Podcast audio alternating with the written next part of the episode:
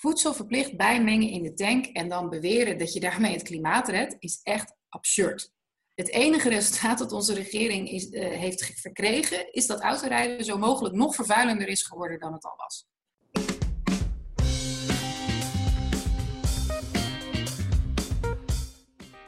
Hi hi, welkom bij weer een nieuwe aflevering van de Milieudefensie podcast.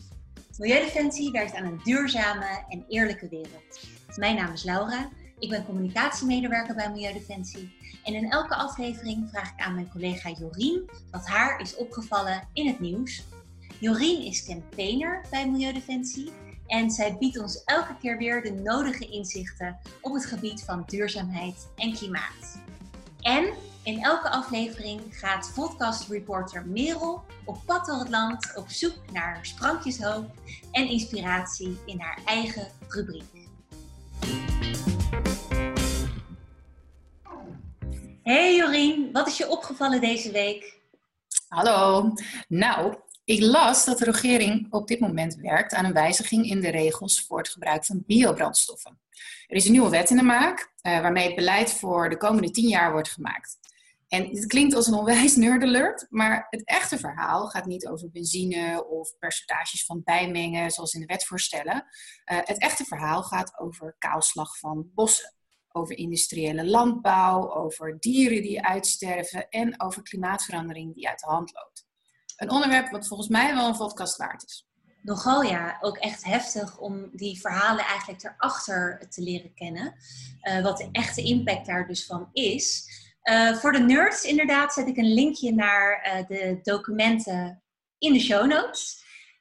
We gaan het dus hebben over biobrandstoffen. Wat zijn biobrandstoffen?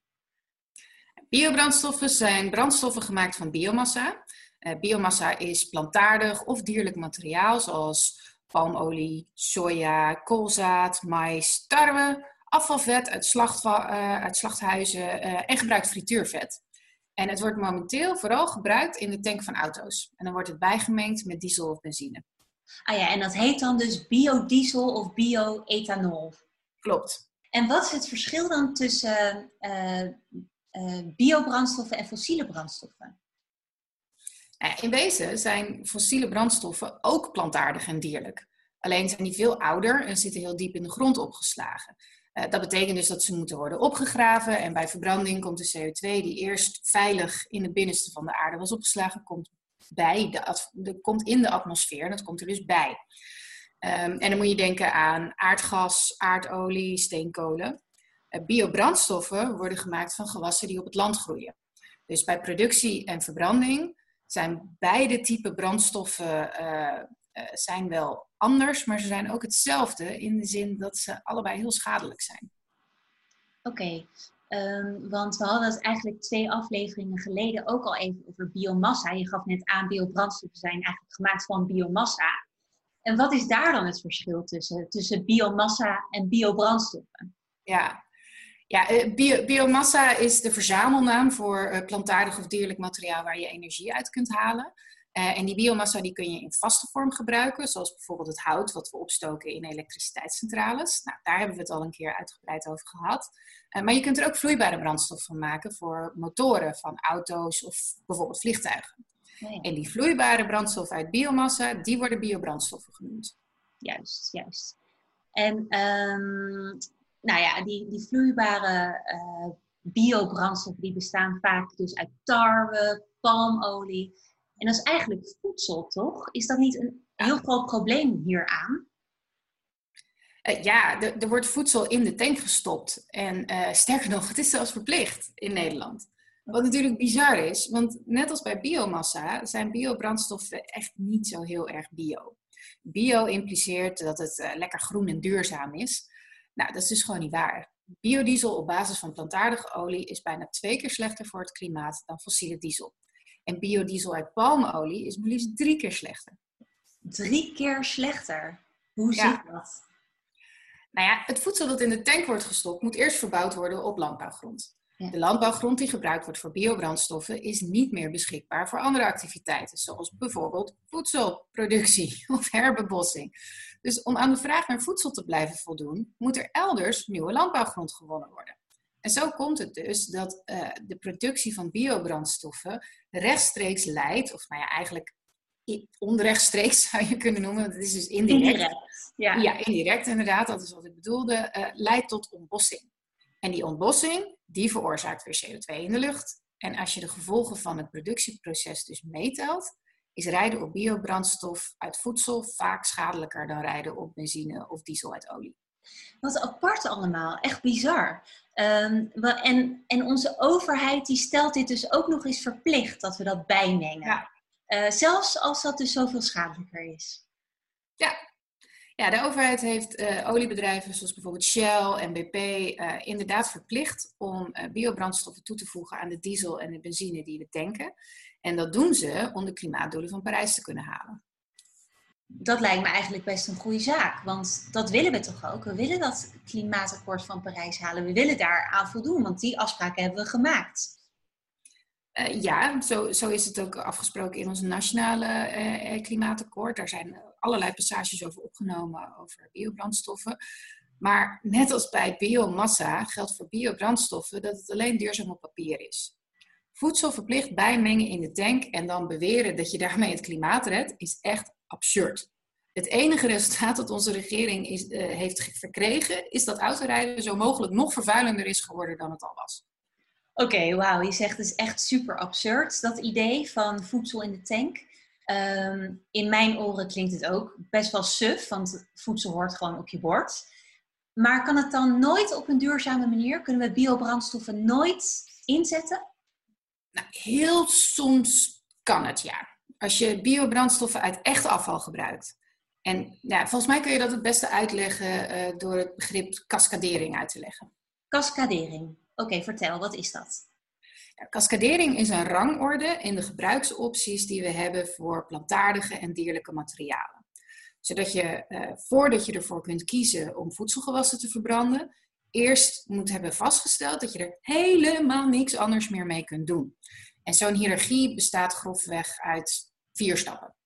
Welke vier stappen? Ik ben benieuwd. Nou, allereerst bos en natuur. Bomen zijn goed voor het klimaat, want ze nemen CO2 op. Bos is goed voor de biodiversiteit. En het biedt een veilige woonplek voor dieren en mensen. Want vergis je niet, er zijn op de wereld heel veel mensen die direct afhankelijk zijn van het bos voor bijvoorbeeld hun levensonderhoud. Nou, naast bos en natuur hebben we natuurlijk landbouwgrond. Op die grond kan dan voedsel verbouwd worden voor mensen of dieren. Uh, dat is dus de tweede stap, wat je kunt doen met goede grond. En de derde is dat we de resten van die landbouwgewassen die overblijven en die niet nodig zijn om de bodem vruchtbaar te houden, kunnen gebruiken als grondstof. Als bijvoorbeeld uh, component van chemicaliën of uh, spullen om materialen van te maken. Door het samen te persen, bijvoorbeeld, kan je planken maken of isolatiemateriaal. Als, als je dat allemaal hebt afgelopen, en dat kan allemaal niet, dan kom je bij stap 4. En dat is het verbranden om energie en warmte te creëren. Maar je begrijpt, er blijft waarschijnlijk helemaal niet zo heel veel over. En het beleid van de overheid lijkt op papier dus duurzaam, maar in de praktijk leidt het tot allerlei problemen. Um, dus je zegt er zijn vier stappen. Eén, bos en natuur. Twee, voedsel. Drie, materialen of uh, grondstof. En pas bij vier, bij de vierde stap kun je het gaan verbranden voor energie of warmte. En je zegt eigenlijk deze, deze hele stappen, uh, deze hele trap aan mogelijkheden brengt nogal wat problemen met zich mee als je stappen overslaat. Eigenlijk. Dus als je meteen naar verbranden gaat. Welke problemen zijn dat? Ja, het zijn ongeveer vijf, denk ik. Uh, en het begint natuurlijk met het probleem van de ontbossing, waar we het al over hebben gehad. Ja. Ja, om voedselgewassen te verbouwen, heb je landbouwgrond nodig. En als je meer landbouwgrond gaat gebruiken voor biobrandstoffen, wordt er elders weer ontbost om voldoende voedsel te kunnen produceren. De schaarse bossen die we nog hebben op onze aarde, die hebben we echt nodig voor biodiversiteit, als opslag voor CO2 en voor onze leefomgeving, om die ook gewoon leefbaar te houden. En we hebben landbouwgrond uh, daarnaast natuurlijk gewoon nodig om voedsel te verbouwen om op te eten. Ik bedoel, het is een soort van logisch. En daarom zeggen we bij Milieudefensie ook altijd: voedsel hoort op je bord en niet in de tank. Ja, goede slogan. ja, hè? Ja. Kan ik ook. Ik heb hem niet verzonnen, dus ik mag wat vinden. Ik ook niet, ja. Nee. om je een voorbeeldje te geven uh, waar we het nou eigenlijk over hebben. Tot nu toe is naar schatting al 1 miljoen hectare regenwoud gekapt in Zuidoost-Azië. En dan alleen nog maar voor palmolieplantages. Hè? Dus dan hebben we het nog niet over al die andere uh, toepassingen voor bio, biobrandstoffen. Ja, dat is pure kapitaalvernietiging. En die bossen zijn van levensbelang voor mens en dier. Ja. Nou ja, dat brengt me dus ook meteen op het tweede grote probleem. En dat is klimaatverandering. Mhm. We hebben bossen echt nodig voor die opslag van CO2. Zodra een boom wordt omgekapt, komt de CO2 die eerder veilig in de bladeren en in de takken zat, die komt weer vrij. En daarmee warmt de aarde nog sneller op. Hierdoor is biodiesel van palmolie bijvoorbeeld drie keer schadelijker dan gewone diesel. Want voor gewone diesel hoeft niet ontbost te worden. Ja, dus ehm, eh, voor biobrandstoffen wordt ontbost. En die ontbossing is weer de oorzaak voor extra klimaatopwarming. Ja. En verder? Het is een open deur natuurlijk, maar voedsel in de tank leidt tot honger. Want landbouwgrond wordt niet meer gebruikt voor voedselgewassen om op te eten, maar voor voedselgewassen om in de tank te stoppen. Bovendien worden mensen die vaak afhankelijk zijn van die grond, die worden van hun land verjaagd. Het leidt dus ook tot mensenrechten schendingen. En land waarop mensen hun voedsel verbouwden en waarvan ze leefden, dat wordt gewoon zonder pardon afgepakt. Wederom, voorbeeldje. In 2019 zijn er wekelijks gemiddeld twee mensen vermoord omdat ze zichzelf, hun land en de natuur wilden beschermen. Nou, dat, gebeurt, ja, dat gebeurt vooral in het mondiale zuiden. Denk aan Indonesië of aan de Amazone. Dus het lijkt een ver van je bedshow. Maar laat het even tot je doordringen. Er worden dus mensen vermoord, zodat wij voedsel kunnen gebruiken om te autorijden. En dan noemen we dat dus niet Ja, en dan noemen we dat dus niet crimineel, maar dan noemen we dat duurzaam. En eh, kijk, om, om dan bij het laatste punt te komen, dit hele systeem, uh, naast alle problemen die we net al genoemd hebben, het vertraagt ook gewoon de overgang naar echt duurzaam vervoer. Want terwijl wij allemaal afgeleid zijn door de verplichte bijmenging van biobrandstoffen, gebeurt er dus niks om echt duurzaam te gaan reizen. Ja, want we kunnen die middelen en energie maar één keer ergens insteken natuurlijk. En wat is die echte oplossing dan? Nou ja, minder brandstoffen gebruiken. Ik, ik weet, het is een terugkerend uh, thema bij mij, maar het is ook echt de sleutel uh, tot, tot een nieuw systeem waar, waar onze aarde tegen kan en waar wij dus ook op kunnen overleven. Ja, maar Dus minder, minder klinkt altijd zo minder. Maar volgens mij bedoel je daar heel iets anders mee. Nou, ik bedoel uh, er niet mee dat, het, dat je leven minder wordt. De kwaliteit wordt absoluut niet minder. Uh, maar je hebt wel, als het goed is, minder energie en dus ook minder fossiele brandstoffen nodig om te kunnen doen wat je moet doen. Um, ik bedoel, reizen kan natuurlijk op een heleboel verschillende manieren. Hè? We kunnen meer fietsen, we kunnen meer gebruik maken van het OV, uh, we kunnen meer gebruik maken van elektrische deelauto's. Uh, ja, we merken het nu al. Als je dat gaat doen, dan worden onze steden gezonder, duurzamer en leefbaarder. Dus nou kijk bijvoorbeeld naar de coronalockdown in de praktijk. Het blijkt uit een groot onderzoek van ABN AMRO van deze week dat bijna 80% van de Nederlanders minder wil gaan vliegen en ruim driekwart wil minder gaan autorijden. Waarom is dat? Omdat ze merken uh, dat het leven er daadwerkelijk beter op wordt als je wat minder in die auto zit en als er wat minder vliegtuigen in de lucht hangen. Ja, door die coronacrisis zien we eigenlijk ook hoe het anders kan. En dat we het eigenlijk best wel prettig vinden. Uh, een aantal voordelen die het met Ja. zich meebrengt. Ja, er, er- ik bedoel, er wordt minder viezigheid uitgestoten, het wordt stiller, er komt meer ruimte in de stad als er minder auto's op de weg zijn. Wist jij bijvoorbeeld dat 95% van de tijd eh, een auto stilstaat? Zonde van de ruimte. Ja. Heet dat niet stilstaand blik? Dat heb ik wel eens gehoord.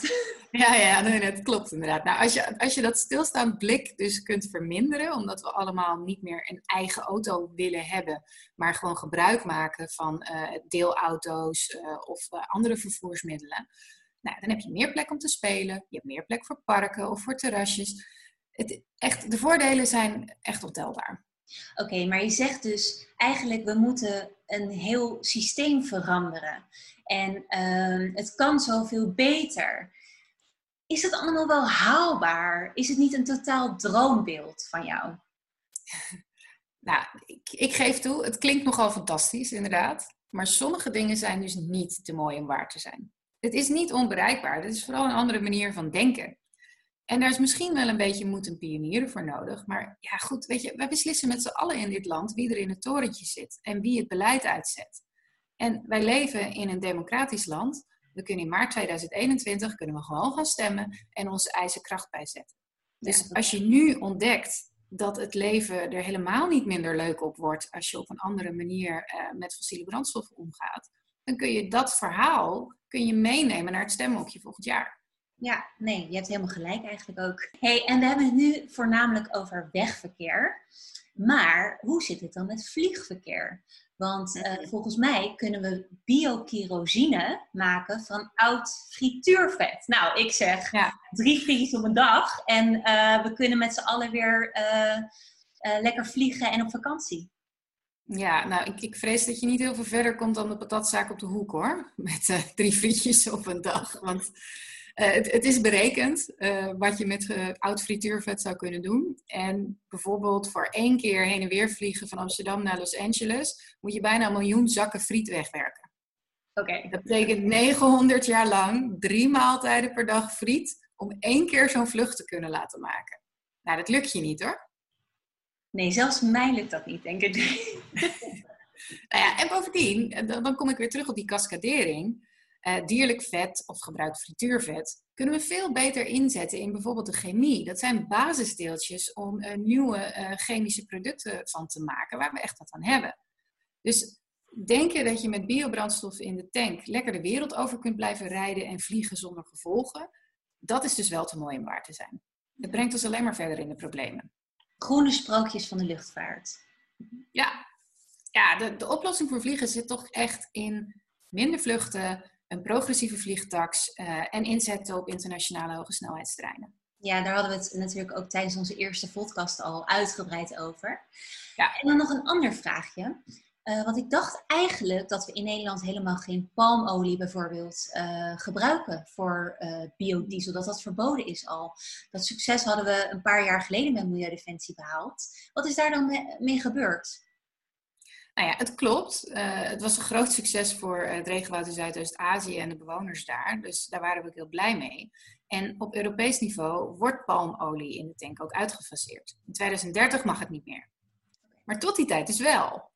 En daar zijn we bezorgd over. En bovendien geldt de uitfasering dus alleen voor palmolie en niet voor andere voedselgewassen zoals soja, koolzaad, suikerriet, mais of bijvoorbeeld tarwe. Die worden natuurlijk ook nog steeds uh, gebruikt. Oké, en um, we hebben het nu dus de over biobrandstoffen, biomassa. Dat klinkt allemaal heel erg bio, groen en duurzaam, wat je eerder ook al zei. Um, kunnen we niet een betere naam verzinnen? Eentje die wat meer past bij wat het eigenlijk is? Ja, goede vraag. Want ja, die bio in de naam geeft toch wel een beetje het idee dat het goed zit. Hè? Het is heel verraderlijk, is dat. Ik kan zo gauw niet iets beters verzinnen. Maar nou ja, misschien kunnen onze kijkers en luisteraars daar wel bij helpen. Oh ja, oké. Ehm, dus, als je dan dus nu kijkt of luistert, weet jij een betere naam voor biobrandstoffen? Dus eentje die wat meer aansluit bij wat het eigenlijk is? Laat het ons dan gewoon even weten. Stuur vooral een mailtje naar podcast.milieudefensie.nl. Dat vinden we heel erg leuk, denk ik. Leuke oproep. En uh, ja, nou, en wat kunnen de kijkers nog meer uh, doen eigenlijk aan dit probleem? Nou, zoals we in het begin al bespraken, er komt dus een nieuwe wet over het gebruik van biobrandstoffen. Er zijn nieuwe regels in de maak. En wij moeten de regering vooral laten weten hoe we erover denken. Dus uh, wij willen dat er geen uh, brandstoffen meer van voedsel worden gemaakt. En dat moet gewoon helemaal stoppen. En niet per 2030 of nog veel later, maar direct. Oh, en daarom zijn we een actie gestart. Door een simpele druk op de knop kun je via onze website een brandbrief sturen naar de verantwoordelijke minister. Dat is Cora van Nieuwhuizen. En naar de staatssecretaris, en dat is Stientje van Veldhoven, van het ministerie, ministerie van Infrastructuur en Waterstaat. Juist. En dat linkje naar die brandbrief uh, zet ik in de show notes. En voor de kijkers is die nu ook in beeld. De volgende keer, Jorien, uh, komen we weer met een uh, interessant onderwerp. Ja, gaat helemaal lukken. Dankjewel. Joep, tot de volgende. En dan nu de rubriek van Merel. Ik ben benieuwd welk sprankje hoop ze deze keer met ons wil delen. Ja, hoi Laura. Ik heb zeker iets moois gevonden voor deze week. Ik wil het graag hebben over een initiatief dat zich inzet voor, uh, tegen het plasticprobleem. Wereldwijd wordt er namelijk enorm veel plastic uh, geproduceerd en een groot deel daarvan belandt in de zeeën. En plastic vergaat nauwelijks. Uh, het breekt wel af in kleinere stukjes en in microplastics. Uh, en die eten zoog, zeezoogdieren, vissen en vogels dan weer op, waardoor ze makkelijk dood kunnen gaan. En ook voor mensen heeft het grote gezondheidsrisico's. En tot 2018 uh, was er in een totaal van 86 miljoen ton plastic in de zeeën beland. Wat natuurlijk aangeeft dat het echt niet langer kan en dat er echt actie nodig is. Ik sta hier daarom vandaag voor Clear Rivers. Dit is een initiatief dat op, deel is van de oplossing.